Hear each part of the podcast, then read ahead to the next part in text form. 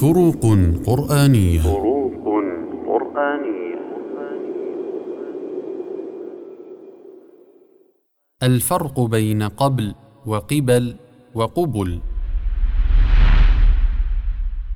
قبل بفتح القاف وإسكان الباء ظرف ويستعمل للمكان وللزمان كما في قوله تعالى من قبل صلاة الفجر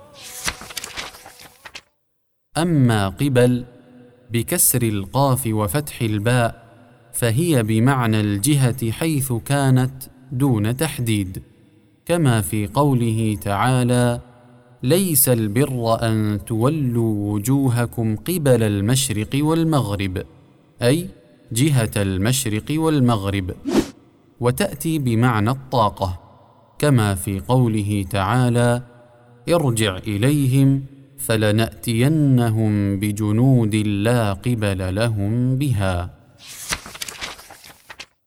أما قبل بضم القاف والباء فهو المقابل أي الاتجاه من الأمام حصرا كما في قوله تعالى وشهد شاهد من أهلها إن كان قميصه قد من قبل أي شق من أمام.